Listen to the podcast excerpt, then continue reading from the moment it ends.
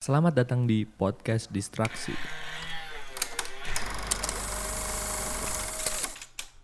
Mari berdistraksi sejenak. Cek cek ya. Assalamualaikum warahmatullahi wabarakatuh. ya kali ini gue pengen ngobrol sama teman-teman gue. sih. Eh aku aja deh, jangan gue nggak enak. Aku ngobrol sama teman-teman aku. eh, ini dari jurusan kesehatan masyarakat. Kesmas ya bener ya dua-duanya ya. Kesmas. Asik. Boleh dong kenalin dulu, terserah mau dari yang cewek atau yang cowok. Oke, eh, jadi teman-teman kenalin nih, eh, gua Haji Prayogo eh, dan gua kuliah di salah satu universitas di Solo. Iya. Prodinya kesehatan masyarakat. Oke, kalau dia Oh. kalau dia Aduh, udah spoiler nih. Ya udah, Dea, Dea. Eh, kenalan, nama aku Dea. Eh, eh, aku juga kuliah di Solo, prodinya juga kesehatan masyarakat. Oke, kesehatan masyarakat juga ya. Hmm. Asalnya boleh tahu nggak nih asal dari mana? Kalau aku sih asalnya dari Kalimantan Tengah. Dan kalau gua Kalau sendiri? Cilegon, Banten. Banten. Oke. Eh, boleh tahu nggak sih kenapa kalian bisa sih ya, masuk ke dalam jurusan yang itu sebenarnya gue nggak, aku nggak tahu ya, aku nggak tahu ya kalau kesmas itu di otak aku cuma nanti kerjanya itu jadi perawat. Hmm. Nah itu doang. Nah boleh dong kasih tahu dulu nih seluk beluknya terserah mau dari Dea atau Aji. Alasan gitu ya? Kenapa Iya, bisa? alasan kenapa bisa masuk Kesmas apakah terpaksa ataukah pilihan terakhir? Iya. Ini sebenarnya complicated sih. Sebenarnya eh, jadi tuh dulu tuh aku tuh emang pengennya jurusannya teknik. Apa aja yang penting teknik gitu. Wow. Terus kan nyoba di salah satu universitas di Solo. Terus yang pertama aku dulu nyobanya teknik industri sih. Terus yang kedua Hmm. pilihan kedua baru kesehatan masyarakat gitu kan. Karena eh, yang pertama kesehatan masyarakat tuh kayak lebih apa ya? Salah satu jurusan kesehatan tapi dia lebih general aja gitu, lebih umum aja gitu. Oke. Nah, terus ternyata eh, lebih disaranin sama orang tua buat masuk kesehatan masyarakat kayak gitu dan sampailah sekarang gitu masuk kuliah di kesehatan masyarakat. Oke. Tapi eh, itu masuk ke Kesmas tuh ya udah gitu. Maksudnya nggak ada rasa kayak kecewa karena disuruh. gitu. Heeh, nah sebenarnya awalnya kayak pasti kan orang kalau milih jurusan yang enggak dipengenin pasti kayak rasa ragu gitu atau mungkin ngejalaninnya wah gimana sih gambarannya gitu kan karena emang dari awal tuh eh, punya gambaran tapi ya masih nerawang gitu dan ternyata kok kayaknya makin ke sini makin cocok ya sama pribadinya sendiri kayak gitu sih Siap, siap, siap. Nah, kalau Aji nih mukanya dari tadi ngeliatin dia cerita tuh, wah enak banget hidupnya.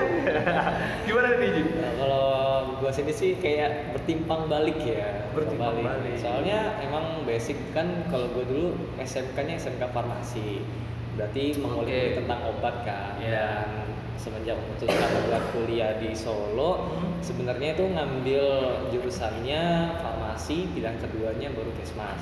Nah, berhubung karena di pendaftaran tesnya itu enggak memenuhi kriteria Iya. buat masuk ke farmasi akhirnya terpaksa memilih memutuskan mengambil pilihan keduanya yaitu kesmas dengan Oke. hati terpaksa gitu Oke, berarti terpaksa nih ya, Iya. istilahnya terpaksa ya kan kalau dia Emang. eh, emang terpaksa awalnya akhirnya seneng gitu maksudnya Ah. cocok. Kalau Aji terpaksa Emang. apakah nanti cocok? terpaksa Iya. awalnya emang terpaksa karena orang tua juga mau gimana lagi Eh, soalnya di universitas yang lain pun yang keterimanya jurusannya emang di luar dari eh, background kesehatan kan kayak misalnya teknik industri mesin Oke, gitu sama oke. akuntansi yang lainnya akhirnya ya udah yang penting masih dalam garis satu rukun kesehatan akhirnya udah diambil lah yang kesehatan masyarakat gitu Oke, siap. ceritanya. Tapi bentar nih, gue silent dulu ya. Oke, lanjut lagi nih ya. Eh, kan tadi kita udah ngomongin alasan masuk, ya kan? Iya. Nah, terus pasti kalau udah masuk kuliah tuh kepikirannya nanti ke depannya kerja, ya kan? Prospek Oke. kerja. Betul. Nah, kira-kira prospek kerja yang bisa didapetin di jurusan kesehatan masyarakat apa aja? Boleh dong, terserah. Mau siapa yang ngasih tahu apa aja? Eh, kalau di gua sendiri sih eh, prospek dari Kesmas dari sekarang udah mulai kelihatan kan. dari eh, jurusannya aja udah banyak ada epidemiologi, terus kesehatan lingkungan, terus K3 juga dan karena memang background saya itu keluarga memang keluarga kerjanya di bagian industri pabrik. Nah, Iya. Saya akhirnya tahu di Oke. Kesmas tuh ada K3 ada casting jadi bisa ter- langsung terjun ke pabrik kayak gitu Hmm. makanya saya Oh. pengen kerja di pabrik tuh di Kesmas akhirnya bisa Oh, itu tadi sorry ada K3 ya? Iya. Itu apa tuh? kesehatan keselamatan kerja Sebenarnya kalau kesmas tuh banyak banget sih kayak ya. mungkin eh, teman-teman nih nggak tahu nih kalau misalnya mungkin kesehatan masyarakat tuh kerjanya cuma promosi kesehatan aja yang kayak di kesmas gitu. Tapi sebenarnya prospek kita tuh luas banget gitu. Kamu bisa dikerja di mana aja tuh sebenarnya ada orang kesmas gitu. Jadi kesmas sih yang selama ini aku tahu tuh ada tujuh cabang ya kayak peminatan lah ibaratnya gitu kayak Iya, iya. yang pertama kayak ada biostatistiknya dia kayak orang yang pengolah Iya. data kesehatannya gitu Oke. terus yang kedua ada epidemiologi epidemiologinya itu kayak tentang menjurus ke eh, penyakit penyakit menular sama tidak menular gitu terus Oh, yang ketiga iya. ada Kesling. eh, kesling kesehatan lingkungan kayak yang mungkin eh, limbah ataupun air lingkungan itu mereka yang ngurus terus yang Oke. keempat ada K3 kesehatan selamat kerja jadi kayak eh, konstruksi apa ya kayak keselamatan pekerjanya dari setiap eh, apa ya pembuatan Industri, bangunan gitu ya eh, pabrik itu juga itu ada K3-nya gitu terus juga Wow, ada ya. apa lagi ya J? banyak sih promosi promosi prokes. kesehatan prokes itu bagian yang kayak mungkin teman-teman kalau di rumah sakit bisa lihat kayak layar ada apa ya tayangan kartunnya Oh, terus iya, ada iya, iya, iya. pamflet pamflet kayak gitu Oke. terus eh, ada yang mungkin pernah dapat penyuluhan di sekolahnya Nah, nah itu dia, itu orang prokes ya eh, terus banyak banget sih sebenarnya Banyak, ya banyak. Eh, tadi kan gue kepikirannya kesmas tuh perawat. Bener nggak sih bisa jadi perawat juga? enggak Enggak ya? malah melenceng banget Oh, Melenceng salah ya? melenceng banget soalnya Terus- kalau perawat itu memang basicnya emang Merawat. harus perawat Hmm. dari background keperawatan Benar. Jurusannya berarti keperawatan ya? iya keperawatan Oh. soalnya Jadi sebenarnya gini, Ah. kalau dokter itu mereka tugasnya mengobati orang yang sakit, Iya. kalau kesehatan masyarakat itu gimana caranya orang nggak sakit, gitu. Jadi Iya. kita pencegahannya, Wah, ibaratnya kita Keren ya? lebih dulu Lebih Ah, dulu ya, jadi daripada kayak ya. ibaratnya kita kayak misalnya nih promosi kesehatan, eh, jangan rokok ya nanti kamu kayak gini gini gini. Nah kalau misalnya kamu udah kena kanker, misalnya paru-paru, kamu baru datang ke dokter gitu. Alright, ini lengkap banget nih ya. Tadi ada penasaran yang uh, epi Epidemiolog. eh nah itu bagian apa tadi sorry itu untuk eh, apa kesehatan bagian penyakit Penyakit oke menular penyakit menular oke berarti itu dia kerjanya di mana? Kan kalau tadi eh, keselamatan kerja tadi kan itu jelas kayak kerjanya mungkin di pabrik mungkin di tempat konstruksi atau gimana. Terus yang tentang penyuluhan tadi ada Hmm. juga terus sama yang Counseling. iya kesehatan lingkungan. Nah kalau yang tadi itu gimana? Yang menular tadi itu kerjanya di bagian apa Eh, itu sebenarnya lebih kayak ke dinas kesehatan atau mungkin instansi pemerintah gitu. Jadi dia kayak apa ya? Misalnya nih di suatu wabah misalnya di Solo ada wabah eh, demam berdarah gitu. Nah mereka Oke. nyari penyebab nih kok bisa sih demam berdarah ini eh, besar di kota Solo penyebabnya apa? Jadi mereka nanti cari solusi dari masalah itu kayak gitu. Oke, siap. Jadi dia lebih apa ya? Lebih luas ya, maksudnya lebih Hmm. kayak sesuatu tempat gitu lah istilahnya. Iya. Dan eh, biasanya kalau di epidemiologi itu kan memang eh, langsung apa ya, tahu sama penyakit nggak langsung tahu juga sih kalau memang apa mitigasinya kayak demam berdarah otomatis Iya. mereka bakal eh, ngumpulin orang-orang buat melakukan suatu penelitian kayak gitu biar Hmm. mereka tuh bisa mengetahui ini demam berdarah penyebabnya dari mana dulu Oh, awalnya. asalnya. Iya, iya, baru iya, iya. bis- mereka bisa kasih pencegahan penyuluhan kayak gitu Iya. FYI Oke. juga sih sebenarnya teman-teman. Soalnya eh, mungkin pada nggak tahu gitu kalau misalnya di rumah sakit itu mungkin cuma ada perawat, jadi Iya. dokter. Sebenarnya kepala dari rumah sakit, terus para manajemennya dari rumah sakit itu orang kesehatan masyarakat. Gitu. Wow. Nah, harusnya Iya. seperti itu, Ah, seperti tapi realitanya sih aja ya. iya, tapi realitanya iya. seperti itu Mbak. Oke, goks, goks, goks. Eh, ini sih, gue tadi kan udah dijelasin nih apa aja prospek kerjanya. Jadi teman-teman juga udah pada tahu kan kayak prospek kerja di Kesmas apa aja. Mungkin ada yang berminat ke sana boleh lah ya. Dan eh, sekarang ke personalnya sih. Kalian tuh masuk ke Kesmas, terus kalian emang bener udah ngerti prospek kerjanya atau tahu prospek kerjanya di tengah-tengah kayak oh ini ada prospek kerjanya nih oh kayaknya mau masuk sini aku mau masuk sini itu gimana boleh dong kasih tahu Kalau- tunjuk-tunjuk kan Kalau gue sendiri sih emang dari awal waktu pertama masuk sudah dikasih tahu jurusannya ada ini langsung pikiran punya prospek nih kalau Mana? bisa kerja karena emang kalau gue sih emang pengen kerja di pabrik dari awal udah Oke, nekenin. oke, oke, Gitu. siap, siap, jadi siap. pengen masuknya kalau nggak ke Kesling sama ke K3 dari situ K3 ya? Nah, karena emang eh, emang minat sih emang dari hati minat terus juga nanti kalau misalnya dari Casling itu kan eh, di pabrik pun sebenarnya nggak cuma K3 aja dibutuhin karena memang eh, di pabrik itu kan pa- pasti ada yang namanya limbah eh, penanganan limbah terus juga eh, apa asap-asap yang kayak gitu. Nah itu kan Iya, orang pasti berhubungan sama Casling nah itu dia. Jadi eh, lebih orang spesifik bisa masuk di situ. Terus kalau K3 kan memang dalam manajemen kesehatan keselamatan kerjanya.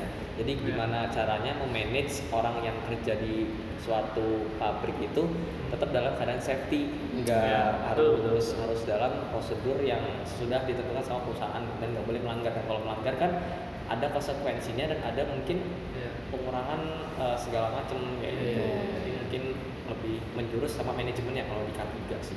Oke berarti emang kalau Aji nih emang lebih emang dari awal udah pengen ke pabrik terus Iya. ngeliat kesmas ada ternyata ada yang kayak gitu Hmm. terus ya udah langsung disikat ya Langsung di situ ya. sikat. Kalau Dea nih ini kan lucu ya teknik dia kan pengennya teknik nih awalnya. Iya sih, kalau aku sih sebenarnya udah punya gambaran juga dari awal Hmm. kesehatan masyarakat. Eh, dulunya sih kayak pengen, wah kayaknya kesehatan masyarakat punya prospek buat jadi kayak eh, megang di kepala rumah sakitnya kayak gitu. Nah, jadi aku memilih kesmas itu karena itu gitu. Terus juga eh, ya itu sih karena aku pengen ngejar jadi kepala rumah sakit, jadi kayaknya Oh. mungkin aku bakal ngambil AKK kayak tentang kebijakan rumah Iya, iya, sakitnya. Terus atau enggak epidemiolog itu kayak gitu. Wow ini gokil nih ya. Eh, kalau dia tadi eh, bagian kepala apa rumah sakit kan ya. Eh, apalagi ya gue mau nanyain ya. Ini sih kayak kasus tau nggak Hmm. yang eh, berarti kalau ketua kepala rumah sakit Hmm. itu ngurusin peraturannya nggak sih? Bener banget. Betul. Oke. Eh, ini sih gue ada tahu nggak yang kasus di mana eh, ada pasien yang katanya Hmm. itu eh, bagian dadanya dipegang Oke. yang yang tahu nggak ya Oh, dia iya, tuh iya, dia, iya, dia iya. sebenarnya tuh mau ngelepas apa gitu yang yang ditempel di badan Iya. gitu loh nah gue sempet ngobrol juga sama salah satu salah satu orang yang waktu itu mau talk show di di Green FM Oke oke. Green FM eh, dia itu apa namanya bilang eh, ya kita ngelakuin kayak gini sebenarnya talk show kayak gini tuh ada tujuannya juga mas. Jadi waktu itu kan sempat ada kasus tuh yang itu. Nah habis itu dia pengen ngasih tahu sebenarnya ada prosedur yang emang harus kayak gitu. Iya. nah itu gimana pendapat kalian tentang kasus itu? Oke, kalau misalnya tentang itu sih sebenarnya gini sih. Eh, apa pun yang kita tindakan tindakan kita sama pasien itu namanya ada informed consentnya gitu, ada persetujuan dari pasiennya ataupun keluarga pasiennya. Nah mungkin Oke. dari kasus itu tuh eh, si tenaga kesehatannya mungkin nggak dapat informed Iya. consentnya itu, nggak dapat persetujuannya, makanya dia bisa sampai dituntut kayak gitu. Oke. Sedangkan kan juga keadaan eh, si pasiennya waktu itu juga katanya nggak sadar kan, jadi dia mungkin oh iya iya kurang sadar penuh gitu loh jadi mungkin dia bisa aja menuntut orang itu kayak gitu dan oke mungkin ini sih kalau misalnya kalian milih AKK itu lebih ke kalian mungkin gregetan gitu loh sama eh, kalau misalnya kalian ke rumah sakit antrinya panjang banget Ah, itu terus dia, betul. permasalahan BPJS kayak gitu mungkin Ah, BPJS ataupun right. eh, askes askes itu kan kayak nggak apa ya nggak menjamin kesehatan kita gitu loh malah makin tambah bikin kita eh, ibaratnya nggak dapat kelayakan gitu lah nah jadi Yeah. di sini tuh eh, peran kita tuh gimana sih supaya bisa manage rumah sakit itu supaya bisa sejahtera buat orang gitu. oke kalau Aji tentang Eh, kasus tersebut sih ya. Kalau lihat kasus yang tadi sih. soalnya ini juga sih ya sorry Iya. Eh, itu kan cowok ya Hmm. nah mungkin salahnya di situ juga ya nggak sih kalau harusnya Iya. cewek sama cewek cowok sama cowok harusnya Betul. gitu Tapi mungkin kan eh, di sini balik lagi kan betul yang diomongin sama dia ada sebelum melakukan tindakan kan eh, tenaga kesehatan harus ada informed consent dulu. Ya. Informed consent dulu. Nah itu tujuannya biar si pasien menyetujui tindakan segala sesuatunya itu dilakukan sama tenaga kesehatan biar nggak Iya. terjadi kesalahpahaman di situ kan. Oke. Nah tapi mungkin karena di situ eh, dugaannya ada pelecehan, ada betul. kan.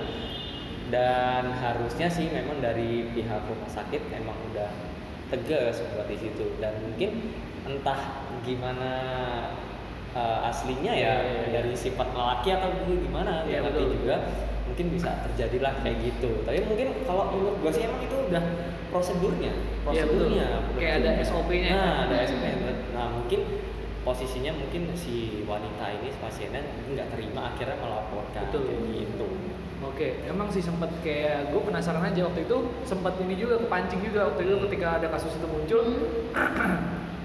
terus ada salah satu influencer di YouTube yang dia tuh ngebikin video tentang kasus itu gimana. Terus dia tuh kayak ini sih gara-gara orang Indonesia tuh terlalu kebanyakan film porno gitu. Oh, membesar-besarkan gitu ya? iya dia bilang kayak gitu terus kayak oh iya juga ya orang Indonesia moralnya kurang gitu. Terus akhirnya setelah gua cuma ah, aku sendiri nggak pernah ngapa-ngapain kayak ngupload tentang hal itu juga nggak pernah kan. Cuma pernah cuma dipendam sendiri aja. Terus akhirnya pas ketika ada talk show di Green FM itu ada orang yang tahu kayak oh kayak gitu ya. Akhirnya gua sekarang coba tanya ke kalian. Nah tadi kan ada yang namanya in Informed consent. nah itu hanya dilakukan untuk hal-hal seperti itu atau operasi juga ada? Semuanya sih Semuanya? semua, uh, semua tindakan yang dilakukan sama petugas kesehatan pasti selalu ada informed consentnya harusnya kayak gitu. Oke itu tu- tujuannya juga biar nanti nggak terjadi kesalahpahaman dan juga malpraktek Mm, Oke gitu. oke oke oke betul betul. Eh, apakah informed consent itu nggak melihat gendernya seseorang kalau yang di kasus itu kan benar-benar cowok gitu loh yang nanganin. kalau misalnya yang aku pelajarin sih ya terus juga kebetulan universitas aku juga apa ya hmm, juga mengajarkan ke agama Iya, betul. agama lebih ke agama gitu jadi kalau dalam agamaku juga ngajarin kalau misalnya apa dalam kondisi yang darurat kayak gitu ya Iya. itu nggak memandang gender sih Oke. untuk eh, melakukan tindakan itu kalau memang itu diperlukan dan emang apa ya kayak Urgent harus banget. Urgent banget, urgent iya, iya. banget di saat itu Oke. Em, berarti intinya tetap pada ini ya kontraknya tadi ya. Kalau Iya. misalkan emang dia nggak mau mau ganti orang ya udah ganti. iya gitu kan. benar banget Oke, eh, tadi kita udah ngomongin tentang kesmas nih ya sih. Udah emang emang kesmas ini ya.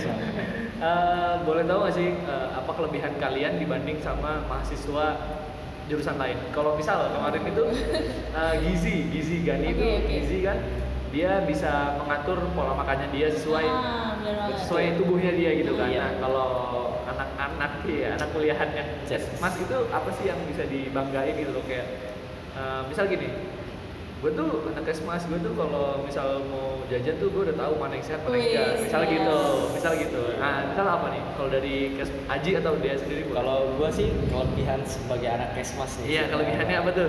Eh, dalam hal manajemen sih. Manajemen dalam Kan saya arti- manajemen gimana sih Anda? Maksudnya dalam arti manaj- memanajemen perilaku dalam diri sendiri buat Ah. dalam bidang kesehatan. Oke, Gitu. siap siap. Soalnya eh, di kesmas kan nggak cuma belajar tentang yang namanya gizi aja eh, makanan, Iya. terus juga kayak perawat Obat. in- indikasinya terus farmasi juga kayak gitu kan. Jadi memang sebenarnya di kesmas tuh mencakup semua. Heeh. Nah itu kelebihannya. Oke. Jadi bisa belajar semua tuh masuk gitu. Benar. Dalam hal manajemen kesehatan. Oke. Kelebihannya itu. Kalau dia Iya yang sih, merasa sama kelebihannya. aja sih kayak aja kayak misalnya kita lebih belajarnya general aja ya Hmm, lebih betul. banyak banget materinya terus juga eh, aku pernah ini sih kayak ngerasa ada ke apa ya kelebihan sih lah kelebihan dari anak Iya, iya. visio sih terutama visio kan satu ini nih fakultas sama aku terus dia itu waktu itu posisinya lagi semester 3 dan waktu itu posisi aku lagi semester 1 gitu Oke. Terus eh, ternyata aku lihat pelajaran kita tuh sama gitu, pelajaran statistikanya itu sama dan ternyata oh ternyata aku lebih awal gitu loh dapatnya Oh, dapet. dibandingin Eh, gokil ya. jurusan lain dan kayak eh, gizi gitu kayak misalnya gizi juga aku dapat tentang kayak apa ya kesehatan buat gizi ibu hamil atau Oke. bayi itu aku dapat di semester 1 sedangkan anak gizi itu di semester 3 juga gitu jadi kayak wah lebih awal nih gitu Oke, lebih siap. lebih awal gitu Oke keren juga ya. Jadi kalau itu bisa jadi bekal, bekal pribadi ya. Kayak tadi kan Iya. ibu hamil mungkin nanti istri lo hamil atau suami lo hamil. Iya. Gak suami istri istri yang hamil. Nah nanti kan bisa tanganin sendiri kan. Jadi tahu Iya. sendiri. Nah ngomong-ngomongin tentang ibu hamil nih tadi ya. Woi ini lebar nih. Emang gue pas Oke. untuk pendewasaan gitu. nah eh, kalau ibu hamil katanya ini ya nggak boleh makan yang pedas. Hmm. terus nggak boleh yang setahu gue ya setahu gue ya nggak boleh makan nanas sama durian. Itu benar betul yang gue tahu sih gue pernah kayak ngeliat doang gitu sekilas di berita gitu kayak eh, ibu hamil tuh nggak boleh makan pedas makan durian sama makan nanas. Nah benar atau enggak Eh, sebenarnya kalau nggak boleh nggak juga ya Enggak Ci, juga ya? sebenarnya. Gimana tuh? Tapi kan mungkin eh, orang banyak ngomong nggak boleh makan durian sama nanas tuh karena Iya. emang karena buat mempengaruhi si janinnya. Iya.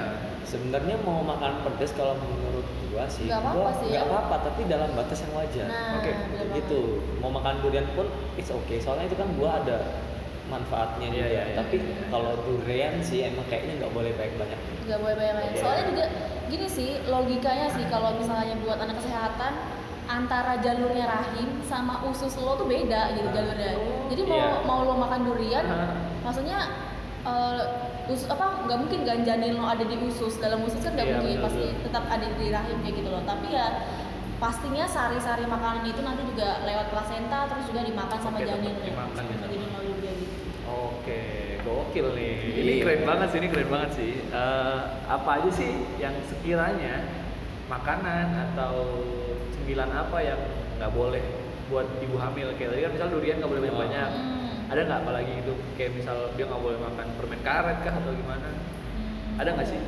wah itu Kalau larangan sih gak ada sih aja ya. Nggak ada Justru sih malah kalau ibu hamil tuh lebih makanannya harus lebih banyak kan Oke. otomatis kan karena dia mengandung janin juga. Terus juga lebih ke vitamin kayaknya iya vitamin lebih bagus sih lebih buat banyak. asam folat terutama Heeh, asam Oke. folat ya. Oh berarti ini sih ya lebih diatur aja ya, Iya, kayak aja. mak- porsinya berapa Hmm. berapa gitu ya. Oke alright. Eh, sekarang balik ke kuliahnya. Iya. Kuliahnya gimana sih anak kesmas tuh apa? Tadi kan yang dipelajari kita udah tahu ya sedikit ya. Iya. Kayak ada belajar belajar gizi, Hmm. terus belajar kayak apa statistika fisio, iya. Terus apalagi tentang ya pokoknya tentang kesehatan ya. Ah. Ya, mencegah kesehatan apa lebih ke mencegahnya kan. Hmm, Iya. sudah. Nah, kira-kira apa lagi nih yang di kuliahan tuh ngerasa di tempat lain tuh nggak ada, cuma kesmas nih yang punya. Oke, menarik sih. Terserah mau praktikumnya, mau mata kuliahnya yang unik gitu, boleh dong kasih tahu. Oke. nih. gimana nih om gua dulu Bebas. nih Ya Oh, boleh, iya, boleh iya, aja, iya, aja iya. dulu aja. ini sebenarnya unik sih kuliah di Kesmas karena emang jarang dijumpai anak-anaknya Oke. gitu kan. Sebenarnya ini hal yang kedua gua alami. Kenapa? Awalnya karena di dulu gua SMK farmasi mayoritas cewek. Betul. Dan keulang lagi sekarang. Oh sekarang kesmas masih ada mayoritas ya. mayoritasnya Ah. cewek kayak gitu. Jadi memang wah kayak gua tuh udah biasa aja gitu Oke, dengan oke. mayoritas cewek karena memang mungkin dari awal dari kuliah eh gua sekolah di SMK farmasi mayoritas cewek akhirnya terbiasa kayak gitu sama orang-orangnya unik sih pertama kalau di Kesmas itu nggak kayak orang-orang yang lain gitu loh kayak Nah, wawasannya luas ini teman-teman lu yang kesmas atau cuma dia doang yang unik? enggak Kesmas semua Kesmas semua Semua. rata-rata begitu Eh, rata-rata pakai dia. Kalau kalau dia apa nih? Kan ini dari pandangan cowok ya, Oh. ceweknya banyak, Oh. terus unik-unik. Ya, Anak-anak kalau kuliahnya. Pandangan aku sih selama kuliah eh, gimana ya? Tentang ini sih praktikumnya sih yang unik Boleh. sih. Soalnya kayak kita tuh kan kesehatan masyarakat gitu. Jadi lebih ke general gitu kan. Terus kalau kita nanti ngambilnya tentang penyakit, pasti kan Iya. berhubungan sama penyakit dan pastinya pencernaan gitu. Jadi di Yap. suatu praktikum tuh pernah nih, pernah nih guys. eh, suruh praktikum tentang apa ya? Kayak nyari eh ya Sebut aja nggak apa-apa. Eh, nyari ini sih apa sih anak kayak dari cacing itu namanya? Eh, larva ya? larva. Larvanya larva cacing, di fesesnya manusia Oke. gitu. Dan dosen gue waktu itu bilangnya pokoknya kalian harus cari bahan praktikumnya itu berupa feses kalian sendiri yang fresh nggak boleh lebih Wow. dari 6 jam kayak gitu. Oke. sedangkan waktu itu praktikumnya jam 12 siang tuh. Jadi ya gimana sih kalau misalnya boleh lebih dari 6 jam bentar kita hitung mundur ya 12 Ah. berarti pagi hari pagi hari jam, maksimal jam 6 ya kan, jam maksimal 6 jam 6 lu keluarin feses itu Oke. tapi kan kita nggak tahu namanya juga perut kan nggak bisa diatur kan betul iya nah itu kita mulusnya jam berapa tuh kita nggak bisa ngatur gitu Iya, iya, iya, iya, iya. terus akhirnya eh, waktu itu harusnya jam 9 keluarin dan akhirnya harus buru-buru makan pepaya banyak-banyak kayak gitu buat bisa Oh. melancarkan kayak gitu Hmm. jadi yang masih fresh di bawah Eh, eh, ini sih yang penasaran. Tentang pepaya tadi. Ah. Apakah benar emang proses pepaya itu di dalam tubuh tuh cepet hancur? Maksudnya kayak eh, dengan tadi lu makan pepaya cepet terus langsung bisa keluar gitu atau Mm-mm. gimana? Soalnya sempat gua merasakan yang namanya gua bener-bener itu zaman kecil sih zaman SD apa kalau salah kan kayak nggak bisa buang air besar gitu kan. Kayak bener dua hari gitu gua sakit perut gitu kan. Akhirnya dikasih pisang dikasih pepaya terus dikasih obat apa gitu kan terus ya udah akhirnya di hari itu masih lama maksudnya jangka waktunya itu lama nggak bisa Hmm. cepet gitu nah itu gimana ya nggak tahu juga ya pasti ya buah tuh selalu ada seratnya gitu kan Ah, ya iya. dan Terutama serat itu pepaya itu kan banyak mengandung air sebenarnya. Mm-mm. Nah itu Oh, bisa sebenarnya iya, iya, melancarkan Iya. Dan serat juga berguna kan buat menghancurkan kotoran yang ada di dalam usus. Betul. Dan juga bisa melancarkan itu sebenarnya kenapa pepaya bisa dibilang eh, bagus untuk melancarkan buang air ya besar. oke Tapi alright. kalau tergantung masing-masing orang juga ya kalau misalnya keluarnya lama atau gimana. Iya, betul. iya benar Itu balik lagi ke balik ke tubuhnya masing-masing ya Masing-masing. Oke tadi lanjut lagi dong tentang praktikumnya nah setelah tadi lu mendapatkan harta karun yang dilakukan di laboratorium itu apa? Eh, ini sih lebih ke jadi ntar feses lo itu diaduk dalam sebuah larutan Oke. terus ntar eh, jadilah suatu preparat gitu ntar lo amatin di mikroskop itu ada larva cacingnya apa enggak jadi kan kita juga bisa tahu gitu loh wah feses gue ada larva cacingnya gitu wah gue cacingan apa enggak kayak gitu kan ketahuan juga Oke. terus juga selain itu juga ada praktikum kayak sisir tikus terus juga banyak banget lah Sisir pokoknya tikus? Iya, Ah, betul. sisir tikus itu kayak- apa? Itu apa? sama juga nyari ektoparasit yang ada di eh, apa namanya di bulu tikusnya terus ntar bisa jadi penyebab penyakit yang selama ini mungkin tipes terus juga Oke. pes kayak gitu sih penyakit kayak gitu Wow, gokil ya. Eh, ini sekarang Anjir, geli juga ya. tapi nggak apa, tapi nggak apa. Ini Ah. tentang kesehatan kok ya. Betul. Dan eh, kalau gue mau tanya tuh obat herbal. hmm. Nah, gue penasaran sama obat herbal karena kan kita pernah sih kita kita pernah kalian kalian masih di media itu gue udah Iya, keluar kan nah, eh, di media itu kode etiknya nggak boleh yang namanya ngas masukin iklan tentang obat herbal Hmm. Di TV makanya nggak pernah kan ada obat herbal sekalinya ada itu TV lokal daerah Mm-mm. Nah, kayak misal di Solo ya TV lokal Solo yang cuma bisa ngiklanin produk herbal Solo gitu kan. Nah, kenapa sih kok bisa sampai kayak gitu? Apakah eh, obat herbal itu mempunyai efek samping sampai-sampai dia nggak boleh diiklanin sampai takut ada orang yang beli atau gimana? Menurut pandangan kalian tentang obat herbal dibandingkan dengan obat kimia yang biasa kita beli di apotek? Nah, itu Kalau gimana? Menurut gua sih sebenarnya obat herbal ini kan kandungannya aja emang bagus. Oke. Berasalnya kan dari tumbuh-tumbuhan alami atau Iya. enggak nabati hewannya lah gitu. Tapi sebenarnya kalau ya dulu gua pelajarin sih obat herbal terutama eh, yang dipasarkan tuh kalau dikonsumsi secara berlebihan tuh emang nggak bagus sebenarnya. Oke. Karena eh, apa ya indikasinya kalau dikonsumsi secara berlebihan tuh malah bisa menumpuk di bagian organ-organ tubuh tertentu kayak Hati gitu. gitu. Ah, hati kalau enggak di bagian Ginjal. ginjal. Itu yang pasti. Soalnya kan obat herbal itu kan sebenarnya warnanya macam-macam kan, terutama Betul. hijau. Itu kalau misalnya terlalu banyak itu bisa mempengaruhi kerusakan tubuh sendiri. Emang khasiatnya bagus. Iya. Tapi mempunyai kurang kekurangannya itu tadi. Oke. Bukannya kimia juga ya? Kayak kimia juga terlalu banyak nanti lu bisa batu ginjal. Ah, ya kan? betul. Nah, itu juga. Jadi 50-50 ya, Iya, sama-sama aja ya 50-50, ujung-ujungnya. betul. Oke. Jadi sebenarnya ini sih kita juga belajar yang kestrat ya, Ah, layanan betul. kesehatan tradisional dan itu tuh eh, sekarang tuh malah justru dokter itu lebih menyarankan kita untuk berobat tradisional sih, malah setahu Hmm, aku. serius? Ha, ha, karena Betul. ini mereka udah lebih menerapkan kayak ke obat tradisional dan mungkin tahu gitu loh efeknya dari obat kimia itu sebegitu besarnya kayak gitu karena Iya, betul. dosisnya yang terlalu tinggi terus Iya. juga orang zaman sekarang kan kayak wah obat satu kayaknya kurang nih langsung minum obat Iya, dua aja betul. kayak gitu Apalagi penggila antibiotik itu parah ah banget. iya bener banget jadi lebih ke obat tradisional ya malah Obat sekarang tradisional. ya daripada kimia gitu Oke, berarti emang ini akal-akalan TV aja kali ya, atau akal-akalan dokter. Soalnya gini, eh, kalian tahu nggak ada kasus, jadi eh, waktu itu aku sekolah di Tangerang, terus ada kasus yang namanya, kalian tahu ini nggak? MITI, Apa tuh? masyarakat, gue lupa, apa ya, pokoknya itu kumpulan orang-orang yang mengembangkan teknologi di bidang sains sama bidang kesehatan hmm. kalau nggak salah namanya MIPI deh masyarakat IPA teknologi atau apa gitu lupa gua nah jadi dia itu punya kayak istilahnya apa ya ketua gitu ketua dan ketuanya ini dia nemuin yang namanya alat penyembuh buat kanker Hmm. jadi dia itu alatnya kayak misal sorry eh, dia tuh bentuknya kayak apa ya kayak alatnya tuh oh sorry alat periksanya tuh dia kayak bentuknya dari apa ya gipsum ya namanya yang keras-keras gitu di badan kalau orang patah Oh kaki iya, nah gips. gipsum Gips. gitu gips gitu pokoknya dia tinggal ditempel di badannya sekiranya bagian mana yang kanker nanti udah terdeteksi nah habis itu dia dikasih yang namanya kayak rompi Hmm. rompinya tergantung kalau misal di kanker di bagian mana ntar rompinya di bagian Oh, itu oke.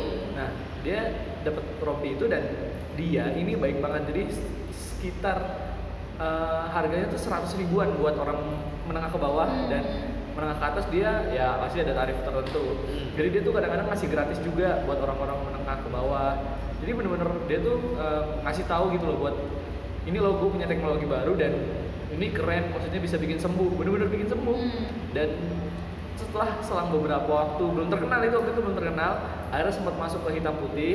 Oh. terkenal di demo sama dokter se Indonesia katanya. Oke. itu pendapat kalian gimana? Dan akhirnya gini setelah di demo itu benar-benar tutup. Sampai sekarang kayaknya tutup. Dia udah nggak buka lagi. Sekarang malah orang Polandia yang pakai itu Hmm. dia pindah ke Polandia. Gila. Gue sampai ini sih apa? Ini gue merinding sih. Keluar- soalnya waktu itu gue bener-bener ngeliat gitu loh kayak prosesnya banyak orang-orang yang ngantri di sana tuh bener-bener orang nggak mampu. Soalnya juga kan emang sekolah gue dulu emang uh, pemiliknya itu kerabat sama si ini yang itu. si itu orang itu. Nah ya gue sempet study terus ke sana dia ngobrol banyak macam hal gitu kan.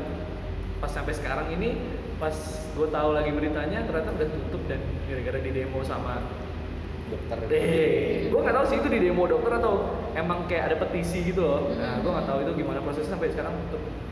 Menurut kalian gimana? Ini sih lebih ke Iya, orang. Indonesia nya Iya sih. gimana gimana? Eh, pendapat kalian aja. Kalau menurut gua sih emang itu kan mengembangkan suatu alat buat apa produk kesehatan itu kan emang Iya. susah banget ya kalau di zaman sekarang. Dan itu gila sih alatnya kayak gua tahu baru tahu aja Iya. eh, Murah bisa banget ya. kanker murah tuh kan itu eh, terutama digunakan sama masyarakat yang mungkin kurang mampu Nah, dan emang tempatnya juga dia di daerah Nah. Tangerang dan maksudnya masih bisa terjangkau sama orang-orang Hmm. pinggiran gitu. itu kan berguna banget kenapa eh, kalau misalnya sudah eh, bisa digunakan oleh masyarakat kenapa nggak dilegalkan aja sekalian oleh pemerintah dan bukannya kalau pandangan gua sekali kalau menurut gua sih kenapa nggak di eh, legalkan aja gitu diajukan ke pemerintah kesehatan terutama buat Hmm. dijadikan eh, barang komersil gitu Hmm. Iya. kenapa harus di demo emangnya eh, apa yang bikin itu dicegah dan akhirnya dihilangkan gitu Iya. Lu tau gak kenapa? Gara-gara setahu gue nih, ini setahu gue ya, Ah. setahu gue sotoynya gue nih itu karena harganya murah. Heeh. Ah. Dokter yang perlu spesialis dokter kanker, ya? iya, Oh. spesialis kanker pasti nggak laku dong, Iya. nggak laku kan? Yang namanya kemoterapi itu udah nggak Ah, laku bener pasti kan? Ya itu itu gokil sih menurut gue. Iya, iya, iya. Eh, masalah sosial yang kita hadapi itu yang gini-gini gitu loh. Hmm. Kira-kira kan kalau kalian, uh, kalau Aji tadi pendapatnya kayak gitu. Kalau dia misalkan, itu kan cita-cita tadi kepala rumah sakit. Nah, melihat hal seperti itu gimana? Kalau aku sih lebih gimana ya? Mungkin ini sih lebih ke alasan pemerintahnya kenapa nutup itu sih karena mungkin ya benar tadi karena dia lebih secara finansial dia lebih murah. Ya. Terus yang kedua juga mungkin kita bisa menghilangkan tenaga kesehatan karena adanya MIT itu gitu. Dan mungkin yang ketakutan ketiga yang pemerintah takutin karena karena mereka bisa mengobati sendiri terus akhirnya ada salah guna pribadi nanti malah justru menimbulkan masalah baru dan nanti juga ujung-ujungnya malah lari ke tenaga kesehatan kayak gitu Oke. dan karena mereka mungkin juga gak ada surat izin buat em, produksi itu sendiri jadi mungkin pemerintah nutup itu kayak gitu Oke, berarti tetap ada alasan lain ya kenapa itu bisa tutup dan bisa digugat lah. ya karena kan eh, pengalaman pribadi aku sendiri ya kan mama aku dulu juga pernah ngidap kanker nih Ya. kanker serviks gitu udah stadium satu malah dan itu juga beliau juga eh, ngikutin kayak kemoterapi sampai Ya. yang kayak gitu dan emang apa ya kalau menurut aku sih nggak tahu ya mungkin aku juga nggak ngerasain jadi pasiennya itu tapi kalau misalnya cuman alat kayak gitu sih eh, agak nggak mungkin sih kalau misalnya kankernya sama Iya, iya, iya. bibitnya itu bisa hilang 100% karena kan juga dari kemoterapi kan juga kayak harus ada cairan yang masuk betul. terus ada radiasinya juga kayak gitu Nah itu dia kenapa kayak eh, ya itu sih gue sangat menyayangkan hal Hmm. itu ya kayak ada teknologi baru fresh banget terus malah dimanfaatin sama orang luar negeri juga gitu. iya Ya itu sih kurangnya ya menurut gue tapi tetap ada kurangnya lagi tentang produk tersebut. dan ini sih eh, emang betul yang dikatakan sama si dia tadi kan kalau misalnya barang tuh udah tercipta tapi nggak dilegalkan secara eh, kayak misalnya di pemerintahan Iya, iya, itu iya. emang nggak boleh Nggak bisa ya? nggak bisa ya emang Ah. harus benar-benar legal kan Oke, gue kurang tahu sih dia legal atau enggak, tapi Ah. ya kasusnya seperti itulah. Dan sekarang ini kalian ini udah 30 menitan dan mungkin boleh dong kasih tahu nih buat teman-teman yang sekiranya, cie, Cie. sekiranya mau masuk kesmas, Ya. apa aja yang perlu disiapkan gitu. Masuk kesmas ya Iya iya iya. mental mental sih ya. Mental sih. mental sama sikap lo kalau misalnya nggak Ah. kuat di bidang kesehatan mending eh, agak dipikir dua kali deh iya Oke. soalnya kita apa ya ibaratnya nggak kerja cuman di lab aja kita Hmm. juga kerjanya di lapangan Di Semua lapangan. banyak di lapangannya ya lebih banyak di lapangan lebih Iya. banyak terjun ke masyarakat dan Hmm, Betul. dan berhubungan Kan kesehatan dengan masyarakat, masyarakat iya. betul Oke, Kayak oke, gitu. oke.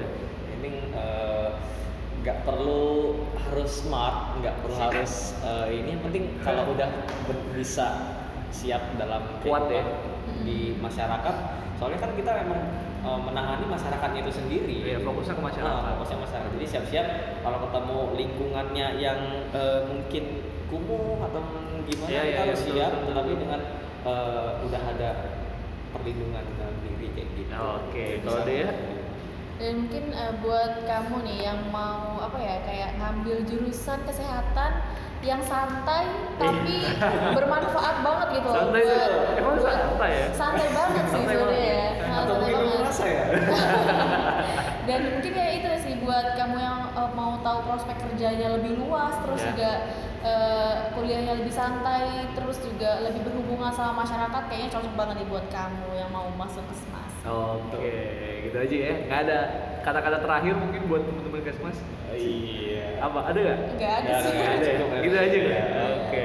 Nanti kita bakal lanjut ngobrol lagi nih, nggak cuma satu episode doang. Kalau kita kalau ngobrol tuh bikin 10 episode gitu. lagi ya bikin lagi bikin lagi ya udah. Paling gitu aja kali ya. Eh, buat teman-teman yang masuk kesmas ya ini belibet gini gua. Yang masuk kesmas masuk aja nanti ditemenin sama Dea dan Aji. Oh iya, Instagram kalian dong kasih tahu.